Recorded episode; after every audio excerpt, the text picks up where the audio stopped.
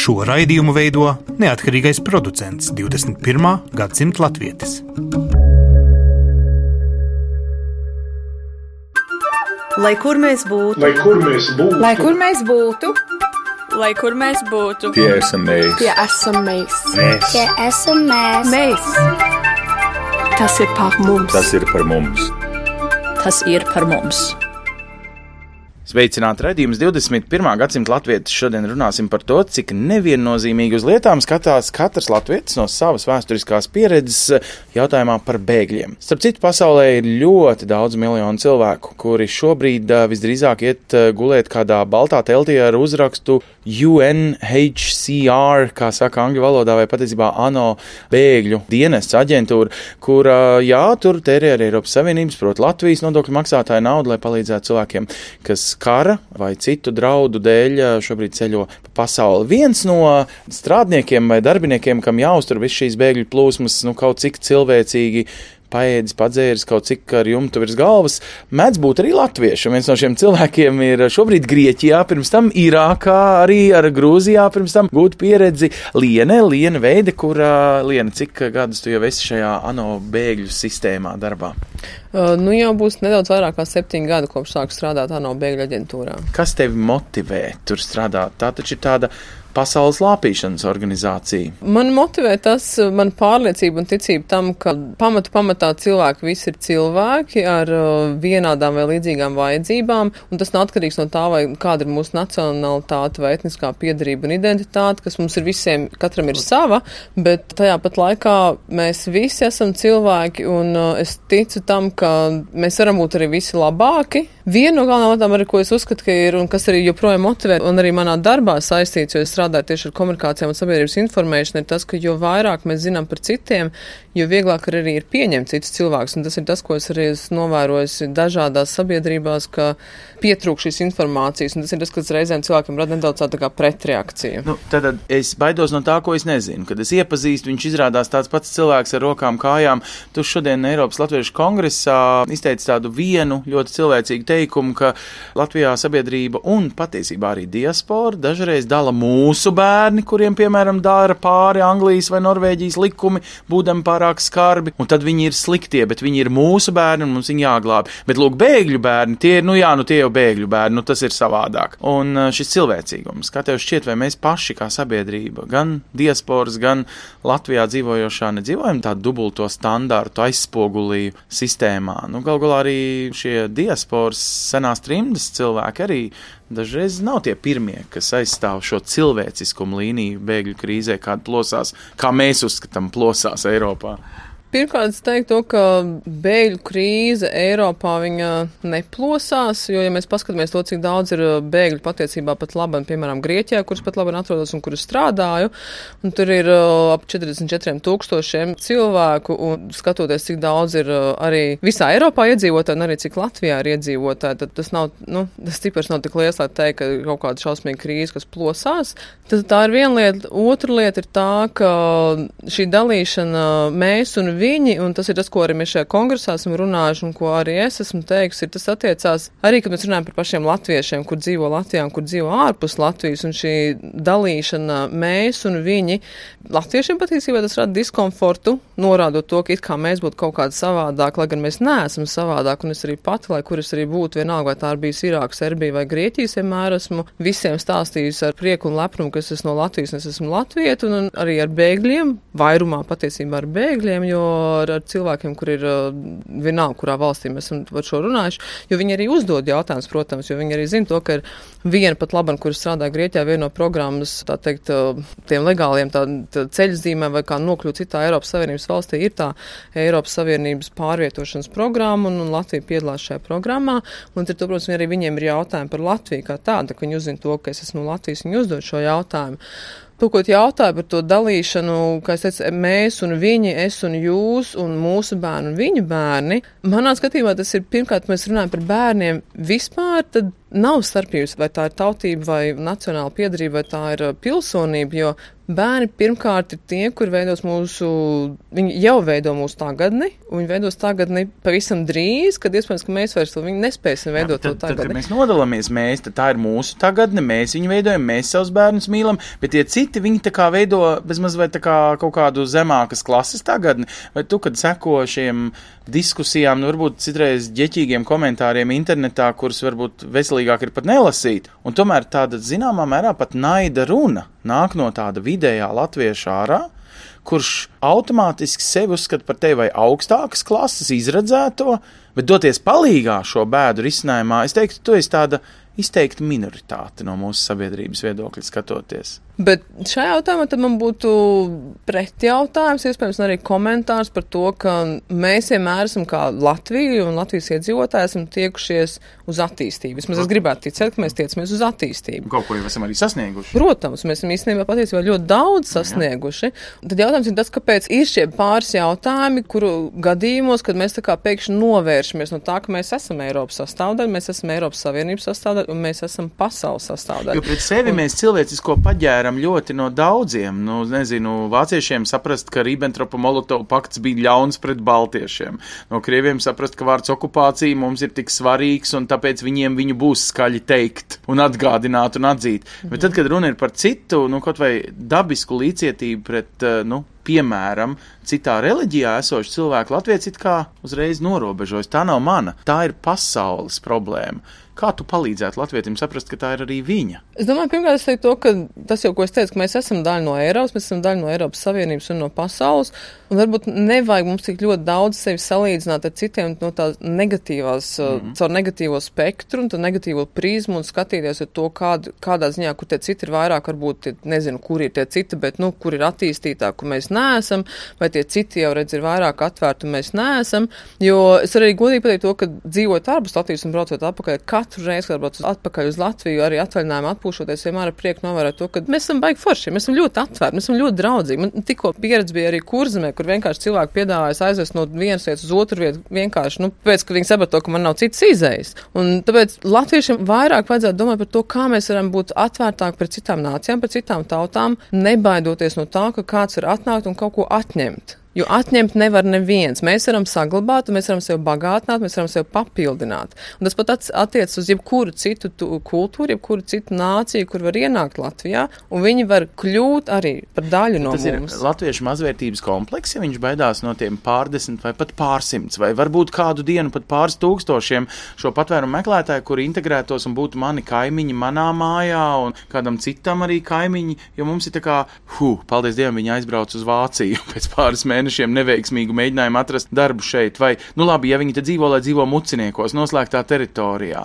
Kā tev liekas, vai mēs m, savā ziņā nezaudējam šeit iespēju ieraudzīt uh, plašāku pasauli, nemaz patiesībā neceļojot pasaulē? Pasaule brauc pie mums, bet mēs viņai varam durvis ciet. No tā, ko es zinu no pieredzes strādājot tā no bēgļu aģentūrā un no reāliem dzīves stāstiem, patiesība ir tā, ka jebkurā valstī, jebkurā nācijā bēgļi ir tikai devuši, viņi ir nesuši to pienesumu, viņi ir devuši jebkurai kultūrai, jebkurai tautai, neatņemot neko. Jautājums ir tas, vai tā, tā teikt, saņēmēja vai tā māja, tā jaunā mītnes valsts priekš bēgļiem, vai viņi ir gatavi to pieņemt. Un, un šajā gadījumā arī ir jautājums par to, vai Latvija, vai mēs gribam būt daļa no Eiropas un Eiropas Savienības, vai mēs gribam tiekties būt atvērtāki un sniegt šo iespēju citiem cilvēkiem arī bagātināt mūsu kultūru, mūsu to, ko mēs darām, visu, un arī biznesu, ne tikai kultūru, arī tā ir ekonomika, tā ir uzņēmējdarbība un viss pārējais. Jo tas, ko teica mūsu sarunas sākumā par to, ka ļoti daudziem cilvēkiem ir šī nedaudz negatīvā attieksme, tāpēc, ka mēs nezinām. Tas ir kaut kas jauns, un tas ir tas, arī, ko es esmu atkārtojis arī šīs dienas kongresa laikā, un arī vakardien, to, ka ir vairāk jārunā par šo tēmu. Un tas ir tas, ko es esmu darījis pats savā darbā, sēžot, sakot, pašās teltīs Irākā vai arī tagad Grieķijā, runāt ar cilvēkiem, jo vairāk tu runā, jo vairāk tu uzzini par viņu vienalga, par sapņiem, par hobijiem, par visu pārējo, par politiskajiem uzskatiem. Nav atšķirības. Tās atšķirības patiesībā ir ļoti miniatūras. Tāpat kā es domāju, arī man un tev, arī mm. mums ir atšķirības, ko mēs darām ikdienā un kam mēs ticam un kas mums patīk. Jā, bet cilvēciskais paliek visā, un te mēs noķeram sevi pie, nu, piemēram, latviešu diasporu pasaulē.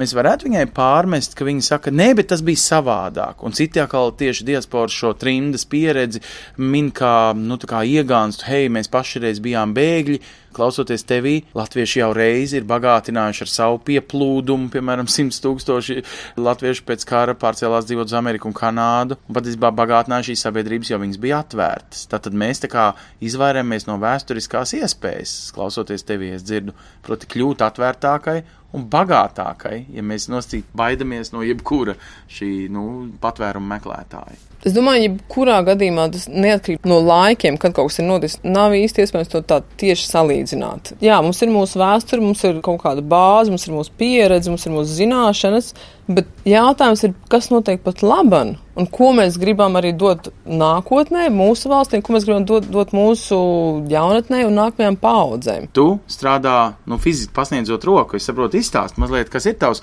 komunikātora darbs. Nu, Irākā, es saprotu, tas bija arī brīdī, kad kaut kur blakus šauja un nogalina cilvēkus, kad ISIS izpleš savus robežas un citi bēg, un tu būvē teltis būtībā, lai cilvēkiem būtu vienkārši iespēja, nu, glābt dzīvību. Tad tu laikam baigi nedomā par nacionālām atšķirībām vai citām lietām. Tu dzīvo nu, par pamatu elementu, par dzīvību, kā to nosargāt, ko tu iegūsti kā cilvēks pretī. Kā jūs teicāt, no sākuma mēs visi esam cilvēki, un mums, ja ir iespēja palīdzēt, mēs palīdzam. Tieši tāpat kā es esmu pārliecināta, ja kaut kas notiek ar kādu cilvēku šeit uz ielas Rīgā, piemēram, vai jebkurā Latvijas pilsētā, līdz cilvēki palīdzēs tam cilvēkam, kas ir kaut kur paklups vai kaut kas ir noticis. Un tieši tas pats arī ir, tas, ko mēs darām ar, ar kolēģiem, jebkurā valstī. Mums tas ir darbs, jā, tā ir profesija, bet mēs strādājam to darbu, lai palīdzētu tiem, kuriem ir nepieciešamība tai palīdzībai, kuriem vajag kaut ko pat laban tieši tagad. Tajā brīdī nav starpības, kāda ir tam cilvēkam ir reliģiskā piedarība, kāda ir nacionālitāte un viss pārējais. Tu esi pasaules lapītājs, ja tā drīkst teikt, tikai profesionāls. Tev par to maksā algu, nevis tu to dari, piemēram, kā es nezinu, reliģiski draudzes ietveros vai kā. Jo, ja tas notiek pie tavas mājas, ka kādam vajag palīdzību, mm -hmm. nu tu vienkārši pļāvi zāli un redzēji, ka kāds gāja mm -hmm. pa mhm. ielu garām. Nu, es saprotu, ka daudziem, protams, nav nekāda problēma palīdzēt ceļiniekam, bet tu apzināti dodies pasaulē. Tu riskē citreiz arī pati ar savu dzīvību, lai nosīt palīdzētu glābt to cilvēku dzīvības. Irāka ir kara teritorija vēl mm -hmm. šodien, pat ja tu tur vairs neesi pāris gadus. Grieķija ir kara bēgļu, skaudru stāstu, sabiezinātu dzīves reāliju teritoriju. Ko tu tur meklē? Kādu, tā teikt, asiņu garšu? Realitāte un patiesība šodien ir tāda, ka, ja mēs paskatāmies, piemēram, uz mūsu organizāciju, ANO bēgļu aģentūru, mēs katru gadu izdodam iepriekšējo gadu statistiku, tā teikt, pilnīgi kopskatu. Un realitāte ir tāda, ka mūsu organizācija tika dibināta pēc otrā pasaules kara. Diemžēl, un ar domu to, ka mēs palīdzēsim tajā laikā, mūsu organizācija palīdzēs bēgļiem tajā laikā, tas ir tā kā īslaicīgs plāns bija. Bet, ko mēs redzam, mēs joprojām strādājam, un diemžēl tas skaits Pieaug. bēgļu un arī cilvēku, kas ir pārvietoti savas valsts robežās, viņi tikai pieaug. Nu jau laikam tas... kaut kur simts miljoni pasaulē dzīvo faktiski ārpus savas, nu piespiedu kārtā ir bēgļi. Um, aptuveni 65 miljoni cilvēki ir, kas ir pēc mūsu datiem. Un no viņiem labi, ja trīs salasās pa visu Eiropu. Tātad, nu, tiem, kuri bažījās, ka tā pasaules bēdu ielē ir tas pieplūdums Eiropā. Patiesībā nenieka, vai ne? Tas, ko teica par to pasaules lāpīšanu vai nelāpīšanu vai ko darīt. Tāpēc minēju to konkrēto statistiku par to, ka skaļi pieaug. Viņi, diemžēl, pieaug. Un tā problēma ir tā, ka, ja arī gan Eiropa, gan visas pārējās valsts, ja nevienosies un neradīs risinājumu, kā atrisināt problēmu valstīs, kur rodas, no kurienes nāk bēgļi, tā pašā Sīrijā, piemēram, ja šie konflikti netiks risināti, tad šis cipars, diemžēl, augs. Mēs varam novērt to, ka arī citos reģionos ir skaidrs, viņš aug un aug un aug. Cik ļoti sirsnīgi mēs esam, ja mēs tā runājam? Viena lieta ir sirsnīgums, otra lieta ir arī tīri praktiski skatoties arī uz, kā jau minēju pirms tam, Latvijas Uh, atrašanos Eiropas kartē un arī politiskā situācijā vispār, un ņemot vērā to, ka mēs esam daļa no Eiropas, mēs esam arī pievienojušies uh, bēgļu konvencijai, mums ir arī mūsu pienākumi. Un tas pats arī attiecās uz Eiropas Savienību, tas pats arī attiecās pat labi uz bēgļu situāciju gan Itālijā, gan Grieķijā un uz Latvijas kā Eiropas Savienības dalību valsts dalību šajā pārvietošanas programmā, ja mēs esam apņēmušies kaut ko darīt, tad mums ir tas jādara. Tur runā par solidaritāti. Mēs parasti to vārdiņu dzirdam, kad eh, Rietumē Eiropai solidāri jāmaksā struktūra fondi Latvijai, jo mēs lūk esam nabadzīgā Eiropas daļa. Mēs negribam dzirdēt šo, ko tu saki, solidaritāti kā pienākums pret cilvēciskumu, pastiept roku, nu, tad, kad uh, Eiropā ir bēgļu plūsma, tad solidāri viņu, piemēram, sadalīt, nu, ja tā drīkst teikt, pa galviņām proporcionāli iedzīvotāju skaitam vai ekonomikas lielumam domām, kāpēc mums tā ir, ka mēs tā kā pusi gribam dzirdēt no otru nē? Tas ir ļoti labs jautājums. Tāpat arī kā jau uzdot jautājumu par to, kāpēc vienā brīdī mēs esam lepni par savu valstu, un otrā brīdī priecāmies par to, ka, nu, Var nemaksāt ka, nodokļus. ka cilvēki grib braukt projām. Es gribētu redzēt to pretējo, to, ka, nu, ka cilvēki atbrauc uz Latviju un uz mūsu valsti, un ka viņi ir priecīgi šeit, ka viņi, viņi grib šeit palikt. Jo, kā jūs teicat, tas no mums tas neko neatņems. Mums tas tikai bagātinās. Tas, kas mums ir, mēs varam ar to dalīties un varam tikai vairot. Nu, tev vairs nav bailes no svešiniekiem. Nu, vienkārši tu esi dzīvē pārvarējis šo baiļu slieksni. Ko tu esi iemācījusies kā cilvēks strādātam kara zonā, Irākā, nu, es pieņemu tādā ne, ne tik priecīgā realitātē bēgļu nometnē Grieķijā, tu teici, tev ir pieredze arī Serbijā. Nu, kas ir tas, kas tev vēl aizvien motivē to turpināt darīt. Es pieņemu, tur garoziņi ir diezgan skaudri tajā darbā, emocijas, puņķi, asaras, eh, sagrautas dzīves. Nu, tas viss ir katru dienu, tas nebeidz beigties. Tu pat īsti nedrīkst pieķerties tam pārāk emocionāli, var taču sajūt prātā. Nu, cik es esmu bijis bēgļu nometnēs. Mm situācija ir tā kā operācija zālē. Cilvēki mēdz arī mirt. Nu, jebkura bēgļu nometne, kā es vienmēr saku, ir kaut kas līdzīgs jebkurai mazai pilsētņai. Tur noteikti pilnībā viss ir. Cilvēki dzimst un cilvēki mirst, un, un, un ir jebkādas kaut kādas sabiedrības struktūras veidojās un iekārtas un vispārējais. Bet uh, no savas personīgās pieredzes, ko es varu pateikt, ir tas, ka ik katru reizi, kad es tiekos ar jebkuru cilvēku, vai neatkarīgi no tā, vai cilvēks ir no atbraucis vienalga uz kuru valsts, no Irākas vai no Sīrijas vai no Afganistānas, no Somālijas vai Tas nav mhm. nekādas starpības. Kad mēs parunājamies par visu, ko liela daļa no mūsu darba patiesībā neatkarīgi no mūsu amata, liela daļa no mūsu darba ir uzklausīt viņu piedzīvoto, viņu pārdzīvot. Un pēc tam sarunas beigās ir tā, ka nu, nav, mēs arī nevaram sniegt to risinājumu tūlīt un tagad kaut kādu pilnīgu risinājumu jebkam. Un parasti tā sajūta, ka nu, tu jūties nedaudz vainīgs, ka tu nevari atrisināt visas tās problēmas. Bet viņu atbilde ir tāda, ka nē, nē, nē, jo tas, ka tu uzklausīji manu stāstu, ka tu man ļāvi izpausties, ka es varēju izstāstīt visu, ko es pārdzīvoju, jau palīdz. Un ir bijuši ļoti daudz tādas situācijas, un es ļoti spilgti arī atceros to mirkli, kad stāvēju, uz, biju uz robežas starp Irāku, Turciju. Mēs gaidījām tieši autobusu ar, bēgļiem, kas no Sīrijas bija ceļojuši ar kājām, bija gājuši uz Turciju, un pēc tam bija norganizēts transports, lai viņi atbrauc braukt uz Irāku.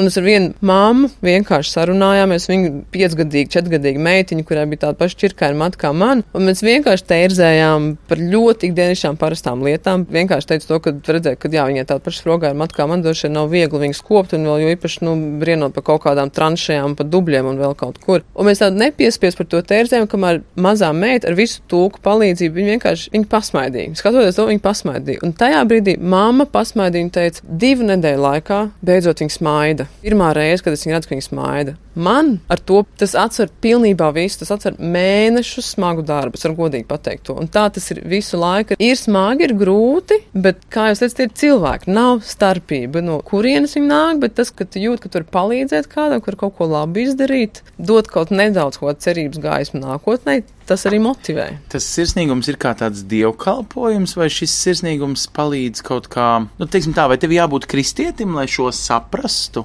vai tev ir jābūt, jo daži kristieši noslēdzās un saka, hei, tā ir cita ticība un tā ir eh, Persijas līča valstu problēma tagad palīdzēt saviem, kā teikt, cilts vai eh, reliģijas brāļiem, nevis Eiropas eh, problēma. Kas tu šajā brīdī esi, kad tu to dari? Vienkārši cilvēks parastais, kristietis vai pārliecināts eiropietis, ka mēs esam tie bagātnieki, kuriem jāpalīdz eh, tiem, kuri nonāk kritiskākā mirklī? Es esmu cilvēks un humanitārais darbinieks, kurš saprot, ka cilvēkiem ir vienāds vai vismaz līdzīgas vajadzības un nepieciešamības. Un tad, kad mēs nonākam grūtībās, jo īpaši, kad mēs nonākam grūtībās, tas ir tas mirklis, kad ir ļoti viegli saprast to, ka mums visiem vajag vienu to pašu. Mums vajag sapratni un atbalstu. Bet tu tajā brīdī arī ieraugi, cik daudz mums kas ir Latvijā, jo citi teiktu, hei, kur tu tagad bāzies? Tu saki humanitārais darbinieks, citi teikt, nu, sociālais darbinieks var strādāt jebkurā Latvijas pašvaldībā, kur pietiktu gan trūkums ieteikt, gan citu, eh, nezinu, pašu vainas vai sabiedrības nesakārtotības vainas dēļ, nu, pabērnu lomā nonākuši cilvēki kuriem arī ir vajadzīgs tāds pats sirsnīgums, atbalsts, smaids, līdzcietība. To visu dzīves skaudrumu var dabūt varbūt arī kādā Latvijas vienalga kurā pašvaldībā. Kāpēc tev to vajag tur, kur ir, varētu teikt, citi saka, elle? Protams, bet uh, mēs visi nevaram strādāt vienās un tās pašās organizācijās, un tepat Latvijā. Tāpat arī mēs pilnībā visi latvieši nevaram strādāt ANO bēgļu aģentūrā. Tā, manuprāt, ir diezgan tāda normāla un dabīga tā, tā kā sadale un, un interesi un vispārējais. Bet kas ir, manuprāt, daudz svarīgāks, ir tas, ka mēs iegūstam pieredzi, ļoti dažādu pieredzi, un atkal atgriežos pie tā, ka mums jādomā par tagadni un nākotni, to, kā es, piemēram, savu pieredzi šajās dažādajās valstīs, kā es viņu varu atvest atpakaļ uz Latviju, un kā es īstenībā varu šīm darbiniekiem un šajās institūcijās, kā mēs varam apmainīties ar šo pieredzi un skatīties, kā mēs varam pēc tam sadarboties kopā. Kādu dienu tātad tu brauksi uz Latviju un būsi kas ideāls sociālais darbinieks, kas ir izdarījis savu lielo uzvaru pasaulē un tagad var, es nezinu, novīt miera ligzdu Latvijā, vai kas ir tas tavs dzīves dzīves koncepts, jo citi teiktu, kā aizbraukt uz darbu, pieņemsim Rietumē Eiropā.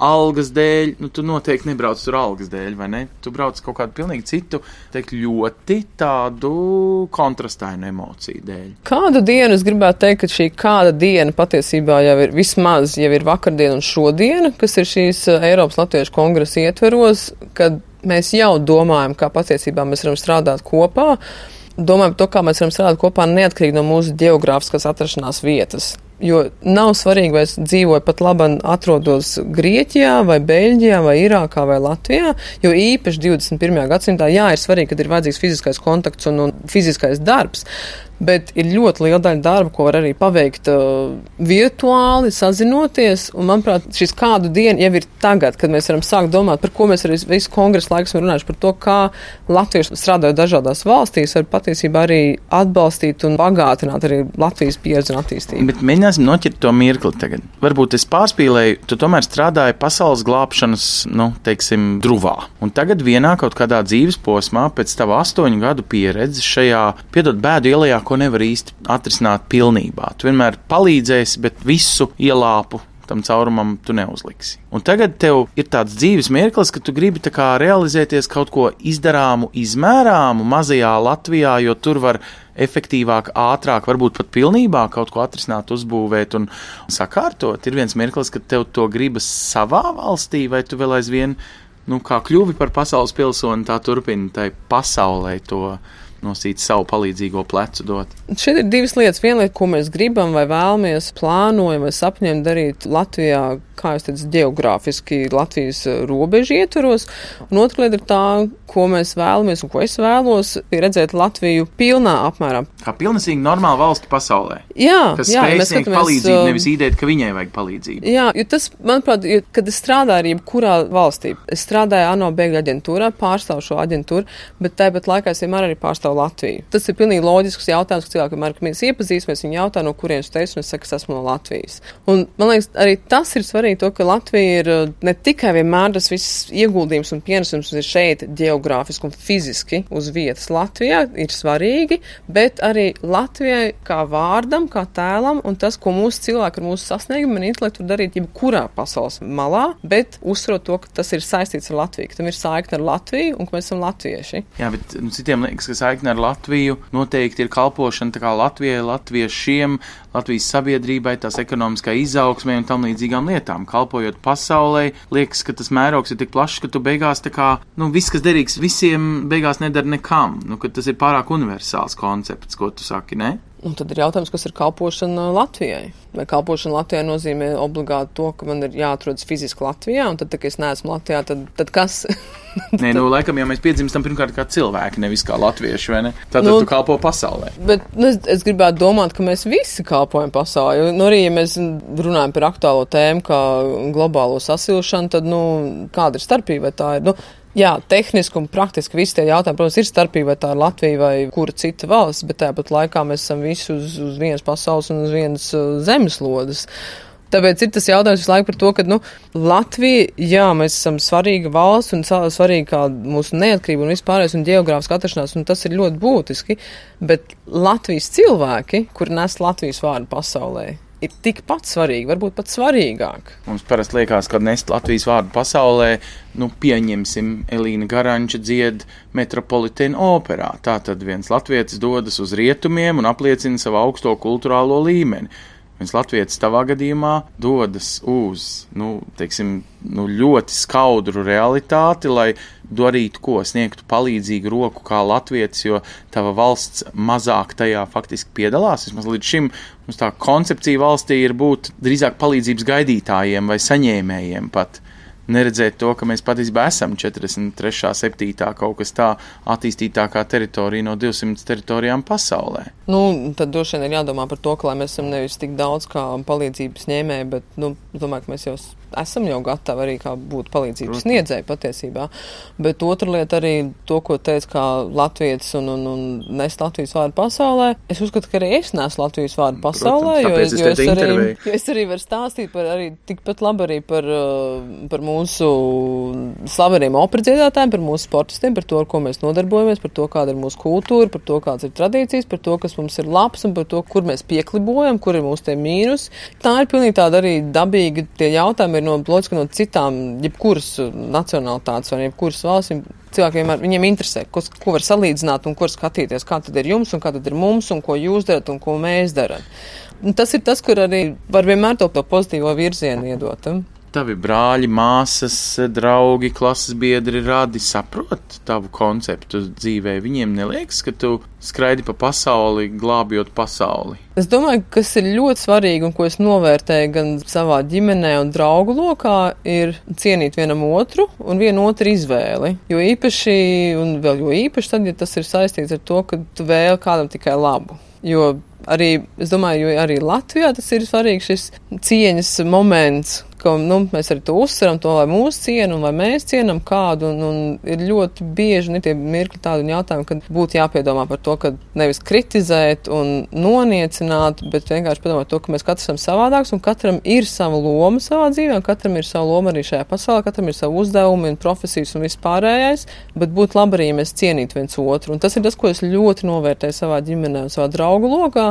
Nevienmēr mūsu uzskati saskan, nevienmēr loģiski mēs esam pilnīgi identiski, jo mēs neesam identiski. Mēs katrs esam izklausās, ka savādāks. tā tad tev ir bijušas pārunas ar Latvijas latviešiem, ka tu dari vismaz nesaprotamu to motivējošo daļu tam, ko tu dari. Jā, protams, un es ar prieku un, un labprāt ar to, to stāstu, tāpat kā pat labi un ar tevi par to Jā. Runāju. Jo, kā es vienmēr teiks, ir svarīgi, lai cilvēkam ir maksimāli daudz informācijas, pieeja informācijai. Jo viedoklis var būt vienmēr, bet ir labi, ja tas ir informēts Un, viedoklis. starp citu, par šo informētību Eiropas Latviešu kongresā, kur mēs te ar tevi tiekamies, eh, tu minēji, ka tu labprāt te vai naktis negulētu, lai cilvēki būtu informētāki, tulkotu preses relīzi no savas ANO bēgļu aģentūras, vai kā savādāk mēģinātu patiesībā, tātad tev pietrūkst šī, nezinu, inteliģenta faktu zināšana, um, nu tādas attieksmes lietas Latvijas sabiedrībā pret šiem jautājumiem, ko mēs cilājam, par šo cilvēciskumu, par nebaidīšanos, eh, palīdzēt, par, nu, gal galā tīri praktisku apziņu, ka esam salīdzinoši bagāta valsts un varam palīdzēt tiem, kam tagad vajag palīdzēt pasaulē. Es domāju, ka Latvijas sabiedrība tikai iegūs no tā,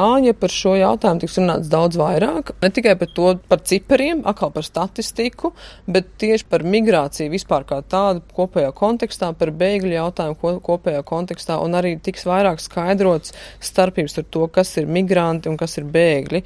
Jo mans novērojums ir, bet tas varbūt ir tikai mans personīgais novērojums, ir tāds diezgan maz par to tiek runāts. Vismaz netiek tā ļoti analītiski skaidrots. Proti, nodalīt tie, kas eh, nāk pēc ekonomiska labuma, un tie, kas ir kara bēgļi. Ne tikai kara bēgļi, jo bēgļi var būt arī tie, kuri pametuši savus valsts dažādu vajāšanas iemeslu dēļ. Tie gan būtu gan kara darbība, gan tā var būt arī politiskā pārliecība, gan reliģiskā piedarība, gan arī seksuālā piedarība, vispārējais. Bet uh, migrantus tas ir savādāk. Ir, jā, ir migrants un bēgļi, viņi abi ir pametuši savu valsti, bet dažādu iemeslu motivēti. Un tas ir tas, ko es novēroju, runājot ar ļoti dažādiem cilvēkiem Latvijā, ka nav īsti tādas nu, skaidrs izpratnes par to, ar ko tad atšķirās viena vai otra.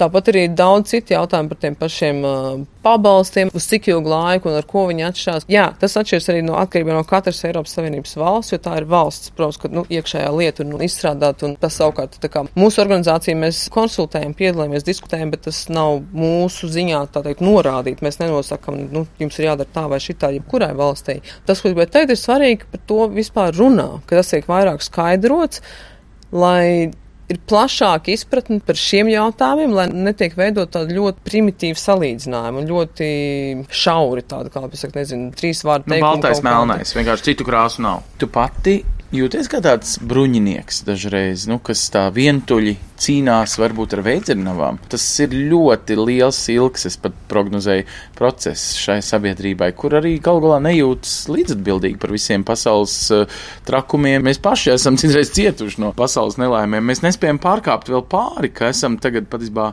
daļa no kā no rietumu sabiedrības, kam vienkārši jāuzņemas atbildība un viss. Jā, varbūt tieši tāpēc, lai mēs neradītu, lai mēs nebūtu daļa no pasaules nelaimes nākotnē. Lai mēs būtu tie, kas ir palīdzējuši rast risinājumu un, un, un būtu bijuši tie, kas atbalsta. Un šajā pasaulē, kurā vēl pēc 20 gadiem būs vēl par miljardu iedzīvotāju vairāk, mēs spēsim nosargāt, ka nu, būs mazāk bēdu. Nu, var cikot, vai ir vērts? Latvijas visdrīzāk pirms iziet no savas viensētas, viņš izrēķinās, nu, vai ir vērts. Tas ir ļoti, ļoti filozofisks jautājums. Tādā gadījumā tad par visu ir jājautā, vai ir vērts. Vai ir vērts man un tev šeit sēdēt un vispār par šo visu runāt tādā gadījumā? Ja atbildi ir nē, nav tā vērts, un kāpēc vispār kaut ko censties darīt? Jau atkal, teiktu, Bet tad nevar arī prasīt, lai kādā tev grūtā mirklī pasauli pagrieztos pret tevi un pasniegt roku. Mēs nevaram izraut sevi no konteksta. Nav iespējams to izraut. Nu, varbūt kaut kāda būtu tehniski, jā, ir, nu, varam ļoti, ļoti norobežoties no vispārējā, bet tad mums ir jānorobežojas pilnībā no visa. Mums ir jāaizmirst par jebkādiem arī zinātnes attīstību, par uh, jauniešu apmaiņas programmām, izglītības programmām, par uh, ekonomisko sadarbību un visu, tad, tad vienkārši nu, jāslēdz viss, ko var noslēgt. Man ir bail iedomāties, kāda var būt tādā gadījumā nākotne, jebkurai valstī, jebkurai nācijai, kas pieņem šādu lēmumu, vienkārši pilnībā no visa atslēgties. Ko tu saki tiem, kuri teiks, ka Latvijai tieši tāpēc vairs nav nākotnes, ja mēs atveram durvis tik plaši, ka visi te tagad staigās pāri mūsu mīļajai Latvijai, izbradās mūsu latviskumu, mūsu puķu dārzus, mūsu viensētas un tam līdzīgs. Kā lai šis cilvēks tiek pāri savām pirmajām bailēm, ka tie viņi, tie ir tie sliktie un es esmu tas labais? Mums ir ļoti, ļoti liela nākotne, tikai mums ir jābūt daudz drošākiem, mums ir jābūt atvērtākiem arī ne tikai pieņemt citus, bet mums arī jābūt daudz drošākiem patiesībā izietē pasaulē. Tas ir tas, ko es arī ļoti daudz teiktu arī studentiem, kur man raksta arī sociālos mēdījos un, un uzdod jautājumus, un es vienmēr saku, nebaidieties, vienkārši paņemiet šo soli un riskējiet. Un es nu, sūtu daudz informācijas, viņiem nu, dod padomus, sniedz padomus, cik vien daudz iespējams, uzdrošināties un spērt to soli tieši pretī. Nevajag vienmēr aizsargāties no kaut kā nezināmā nezināmā, bet patiesībā nu, atvērtās durvis un iet pretī. Jo mēs varētu sasniegt daudz, daudz vairāk, ja mēs arī būtu drošāk iet tālāk un mēģināt un riskēt. Un, jo tas arī vakardien, manuprāt, saimā izskanēja, ka, ja salīdzinām, piemēram, Eiropas Savienības institūtos, ka tur ir nu, samērā daudz latviešu strādā, tad, piemēram, ANO ir ļoti maz.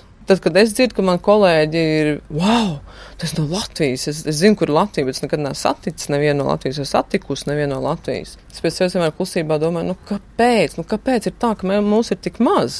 Jo es zinu, ka ir daudz, ir ļoti, ir tiešām, ir arī, jo īpaši jaunatni ir, spēcīgi, ir gudri, ir pārliecinoši varētu daudz ko darīt, bet varbūt ir vajadzīgs ir tieši šis mazais drīzāk grūdienis uz otru virzienu, pateikt to, ka ejam, daram, mēģinam, riskējam jo mēs tiešām varam kaut daudz vairāk sasniegt. Tā saka Liena Veide, kura nu jau no Grieķijas skatu punktu, bet vēl nesen Irākā caur uh, ANO bēgļu aģentūru savu darbu, nu jau astoņus gadus darot, uh, um, skatās uz pasauli, es teiktu mazliet savādāk, kā vidējais uh, latviečs dzīvodam šeit Latvijā un redzot, uh, nu jā, pasaules lāpāmos caurumus, bet nevienmēr dodoties viņus darīt. Paldies, Lien! Man liekas, daudziem bija ko aizdomāties par pašu vērtībām, par to, kas mēs esam un kas mēs varbūt esam pārauguši jaunā stadijā, tikai jāapzinās, ka varam sniegt palīdzību. Starp citu, lai kur mēs arī būtu, Lienai bija arī tāds teikums, lai kur mēs arī būtu, vienmēr ievada šo mūsu pārskatu par to, kur šajā nedēļas nogalē, piemēram, jūs, kā diasporā, proti, ārpus Latvijas dzīvojuši latvieci, varētu smelties savu latviskuma devu. Masa ziņu ieskats un tiekamies atkal pēc nedēļas. Uz redzēšanos!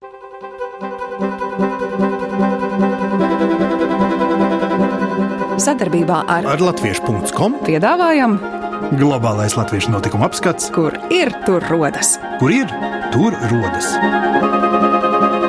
Tas ir par mums!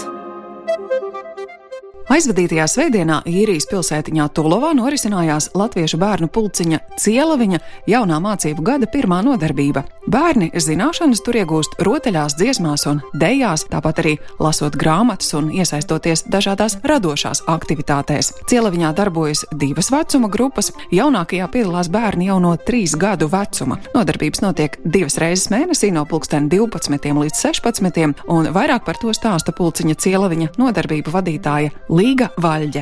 Šis mums būs otrais gads, ko mēs uzsāksim šajā svētdienā. Šogad mums notiks nodarbības divas e, reizes mēnesī. Mums ir latviešu valodas nodarbības un dziedāšana, dejošana. Mēs dejojam tautiskās dejas. Cik nu mēs varam, tas jau nesanāk tik regulāri, ja, bet nu tomēr mēs pa mazlietiņam, pa mazlietiņam cenšamies. Tad ir dažādas radošās e, nodarbības, gan vizuālo mākslu, gan piedalāmies arī dažādos projektiņos, cenšamies piedalīties tāpat tām bērnu žūrī, kur bērniem saņem grāmatas no Latvijas un tad lasa. Un ar šo gadu mēs arī esam tagad ieplānojuši pieaugušajiem nodarbības, gan masāžu, gan no polimēra māla, trauciņu gatavošanu. Nu, tā sanākt kopā, radoši padarboties, aprunāties un arī tajā laikā, teiksim, ja nav kur atstāt bērniņus, tad mums būs bērniem kino vakars, rādīsim kādu latviešu animācijas filmiņu. Tā kā visi laipni aicināti.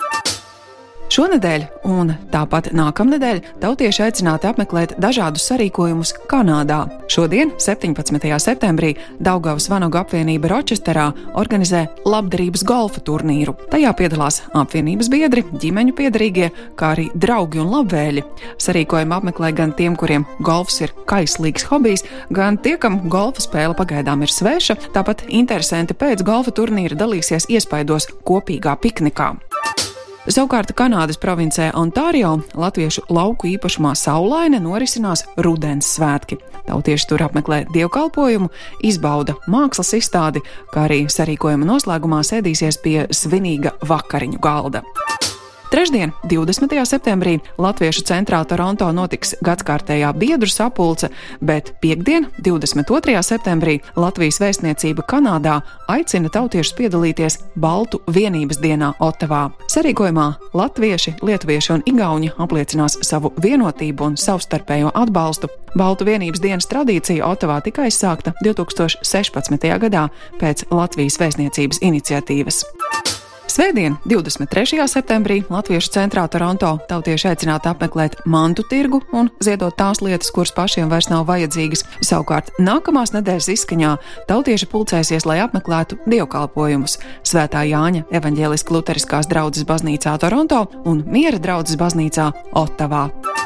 Plašāku informāciju par daudziem citiem gaidāmajiem notikumiem, kas saistoši visā pasaulē dzīvojošajiem latviešiem, meklējiet portālā latvieši.com notikumu sadaļā 21. gadsimta latvietis Facebook lapā, kā arī daudzās, jo daudzās latviešu kopienu mājaslapās pasaulē. Raidījumu veido Ancis Bogustovs, Paula Gulbinska, Arta Skuja un mūsu ārzemju korespondenti. Raidījuma producents Lūkas Rozītis.